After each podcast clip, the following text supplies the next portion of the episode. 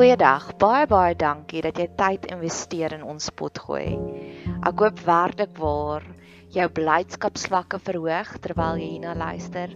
Ek bid vir jou dat jy 'n straaltjie van hoop kan kry en ek bid dat dit 'n veilige hawe sal wees. 'n Sanctuary terwyl jy tyd spandeer hier op ons potgooi kanaal. Ons het 'n baie aktiewe sosiale media platform. Jy is welkom om ons te gaan opsoek op Facebook of Instagram en ons is op YouTube ook. Jy is welkom om kontak te maak deur enigiets van daai kanale. Bet Seber is ons naam. Dit staan vir huis vir huis van hoop. En ons geniet dit wanneer mense deel raak van ons gemeenskap. So indien jy enige op enige manier wil deel raak van ons gemeenskap, stuur asseblief vir ons 'n boodskap hê. Ons kom Vrydagoggende bymekaar en dan gee ons bietjie vir mekaar liefde, sissie liefde. Jy's welkom om deel te raak van ons gemeenskap deur om hierdie potgoeie te deel met jou vriende en familie of jy kan lekker kreatief raak om deel te raak van ons laat daai kreatiewe juices bietjie vloei. Ek het op nou onlangs gehoor van 'n ander potgooi kanaal wat vertel het die persoon het vir haar koek gebak om hulle verjaarsdag te vier. So laat jou kreatiewe juices vloei. Ek hoop jy geniet hierdie kuiertjie op ons potgooi kanaal.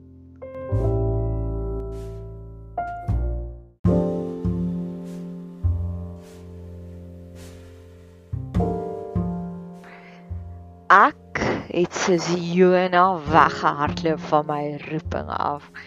En ek wil graag vir jou die storie vertel. So 'n paar maande terug, dalk is al langer as 'n jaar terug, het Lindsay Mills hierdie post gemaak op Instagram en dit het my hartsnare aangeraak. Daar was 'n foto van haar man en die man hou 'n boek vas en onderaan sê sy of toe was dit nog met haar boyfriend, my boo, my beau did a thing. Met ander woorde my Karel iets gedoen. En sy was so trots op hom op daardie oomblik en ek dink dis waarna ek op soek is vandag. Soos Here, ek het ook nou iets aangevang en ek weet dit was van U af. Ek weet dit dat ek weet, maar my broekie bewe. Ek dink nie ek was al ooit in my lewe so bang oor iets wat ek gedoen het nie en ek dink en ek sien myself in die Lindsay Mills se kategorie. Want as jy nie weet wie's Lindsay Mills nie, dalk het jy al gehoor van die woord van die naam Edward Snowden. Edward Snowden was in die IT en die CIA en hy het na die media toe gehardloop om te sê die CIA spy so op hulle burgers. Die intelligensie force doen onreëlmatige spying op hulle burgers. En hy het dit publiek gevat en hy was vervolg en sy lewe was moeilik daarna. Maar wat is dit jou calling is?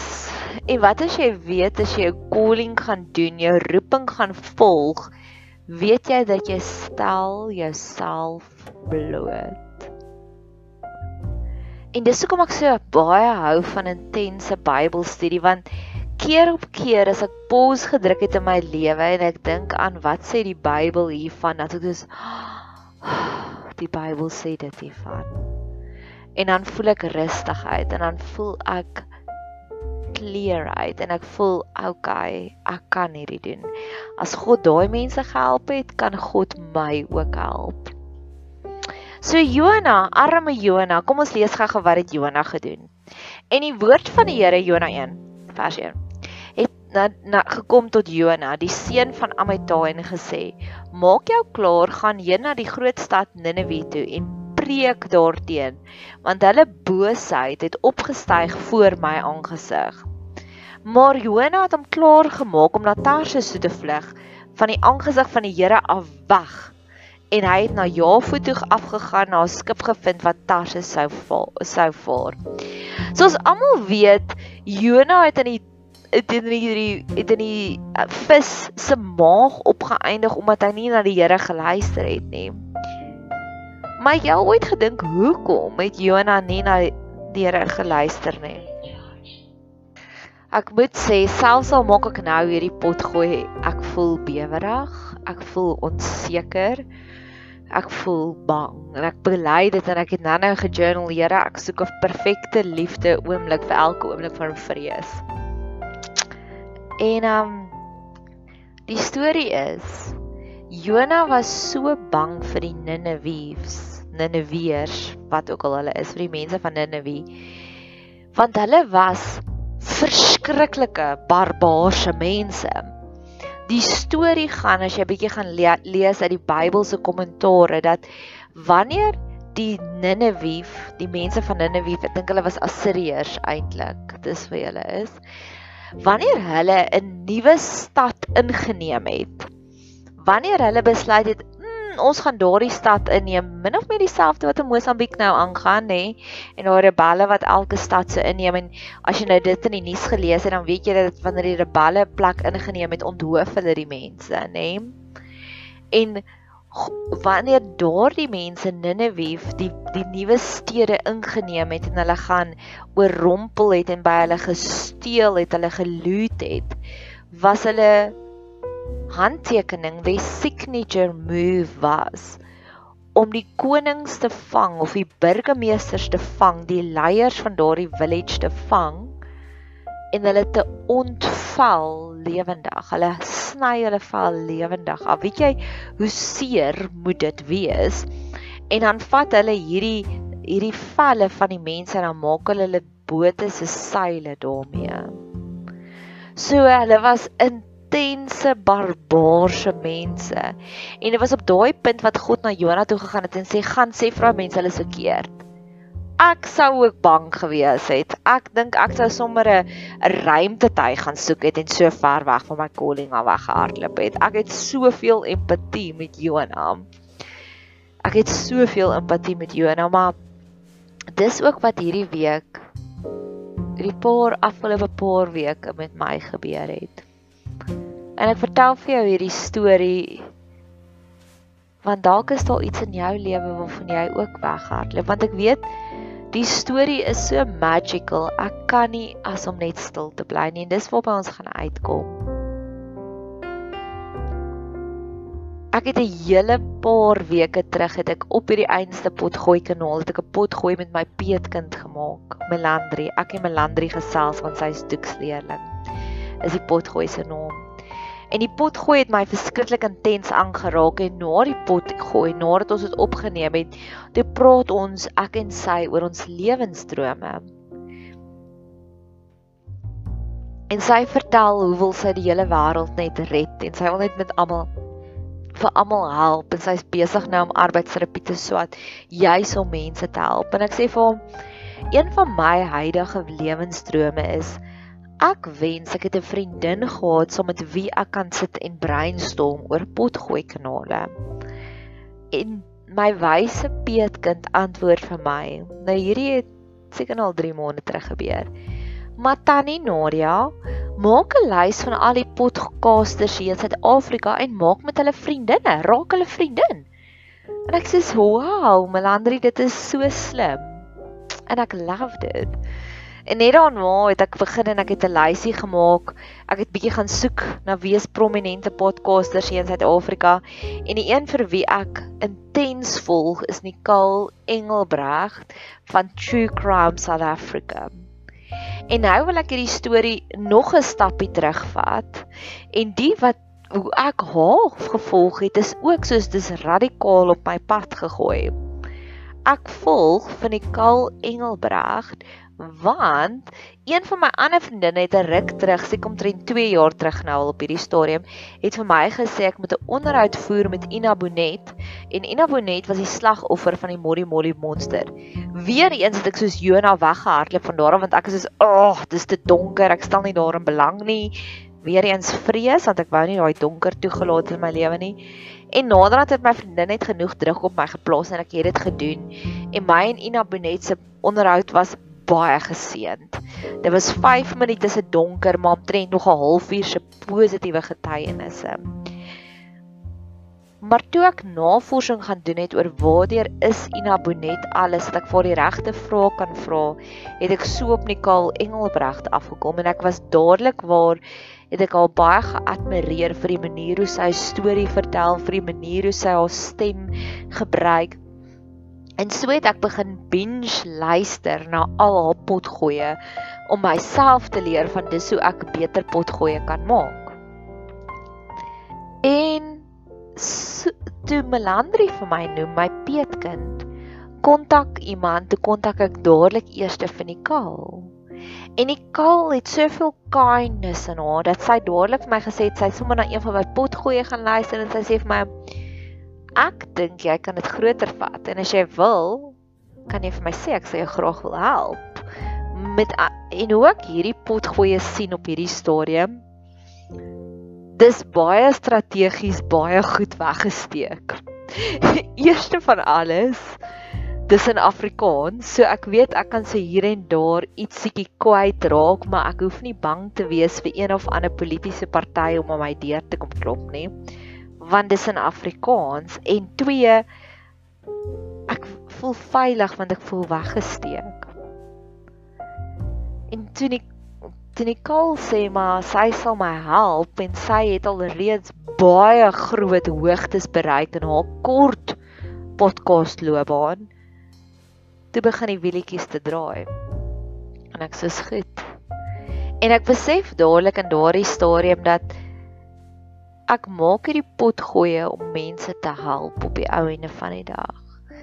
En tweede van alles is ek 'n intense bidder en ek bid regtig vir dat Suid-Afrika weer 'n pragtige plek sal wees. So ek het dadelik gedink as ek dit op 'n volgende stapie wil vat, dat ek dadelik weer die eerste stapie is ek sal dit in Engels moet doen om 'n groter gehoor te kry. En tweede van alles weet ek ook dat daar's raakpunte wat jy kan gebruik soos wat tans in die nuus aangaan. En ek het geweet dit is die vorm waarin dit moet ingaan. Maar van daar af van daardie punt af van dalk moet ek 'n politieke potgooi kanaal begin, dalk moet ek dit in Engels begin en ek het al begin speel speel met hierdie idee.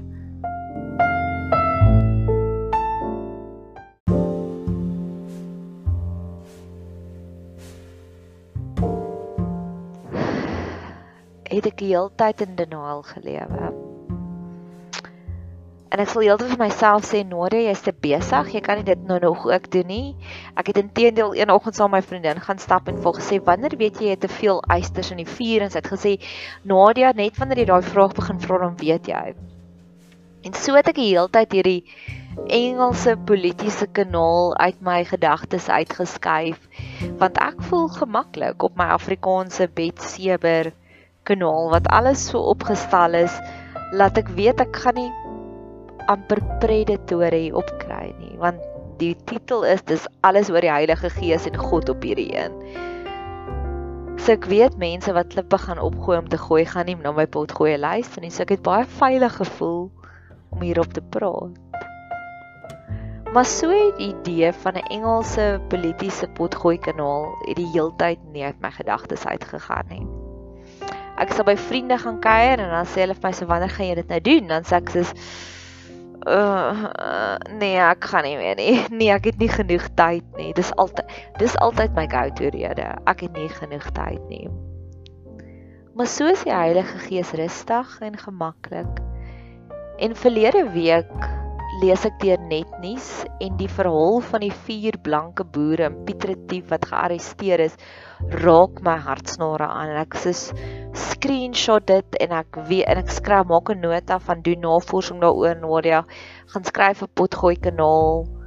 Want so die broodkrummeltjies my nou al gelei maar ek is heeltyd soos nee ek is te besig maar eintlik was ek bang want ek weet ek stel myself dan bloot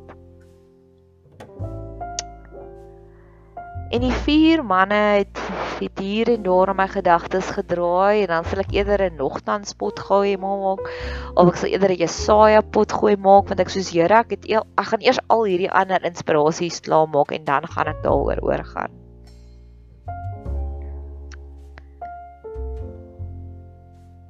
Totdat iets baie intens hierdie week gebeur het. Een van my beste vriendinne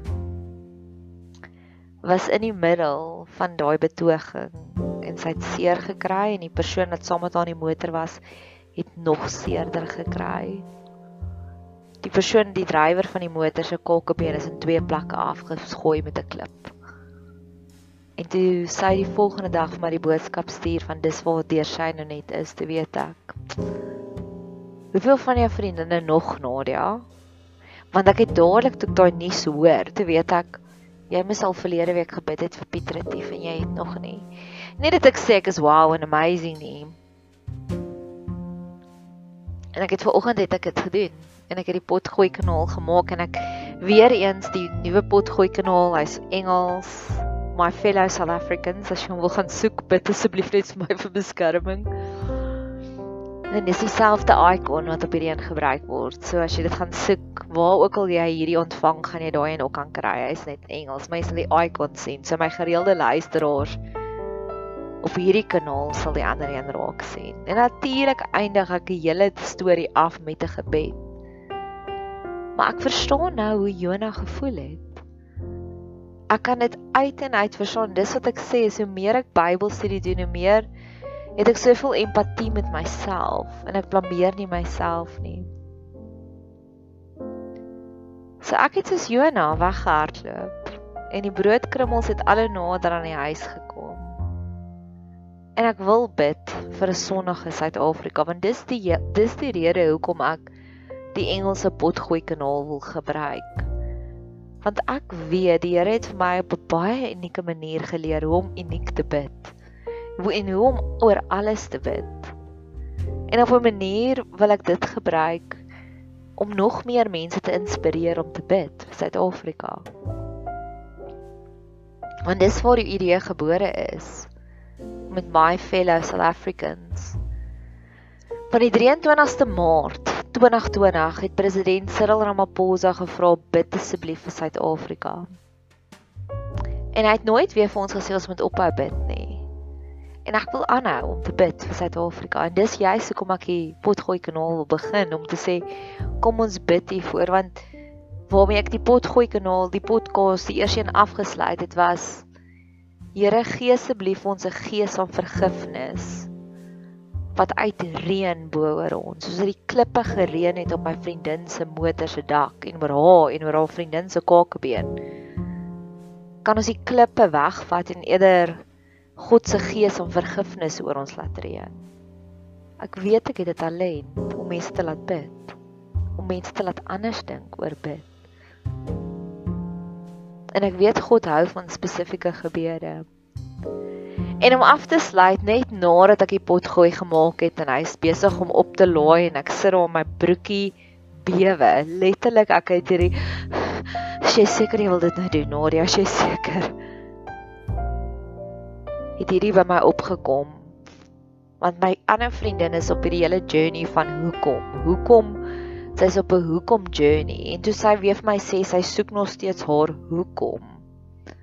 Want sy sê as haar hoekom sterk genoeg is, gaan sy by die pad van volle ten volle vergifnis kan uitkom. Het ek gedink aan Jeremia 20 vers 9 dan word dit in my hart soos 'n brandende vuur. Uh, hy sê as hy nie meer van God se woord kan praat nie, word dit in my hart soos 'n brandende vuur opgesluit in my gebeente. En ek het my moeg gemaak om dit uit te hou, maar dit kon nie. Wat Jeremia hierso sê, is hy sê baie keer word daar 'n woord binne in God so woord van God so lewendig binne in ons om dit nie te sê nie, vat meer energie, dit maak ons moeg. Dit steel jou energie want jy moet dit eintlik uitsit. En toe ek daardie skrifgedeelte onthou, toe onthou ek, o ja, Nadia. Daar gaan vrees wees met wat met hierdie nuwe roeping wat jy het, maar om dit nie te doen nie, gaan die brand brandpunte hier binne in jou gaan so erg raak, dit gaan jou moeg maak om dit binne in te hou. So ja, mag jy ook wanneer jy voel soos Jona en jy weghardloop. Mag jy empatie hê met jouself. Mag jy die maniere hoe God met jou kommunikeer raak sien. mag ons ten mag God ons ten volle beskerm.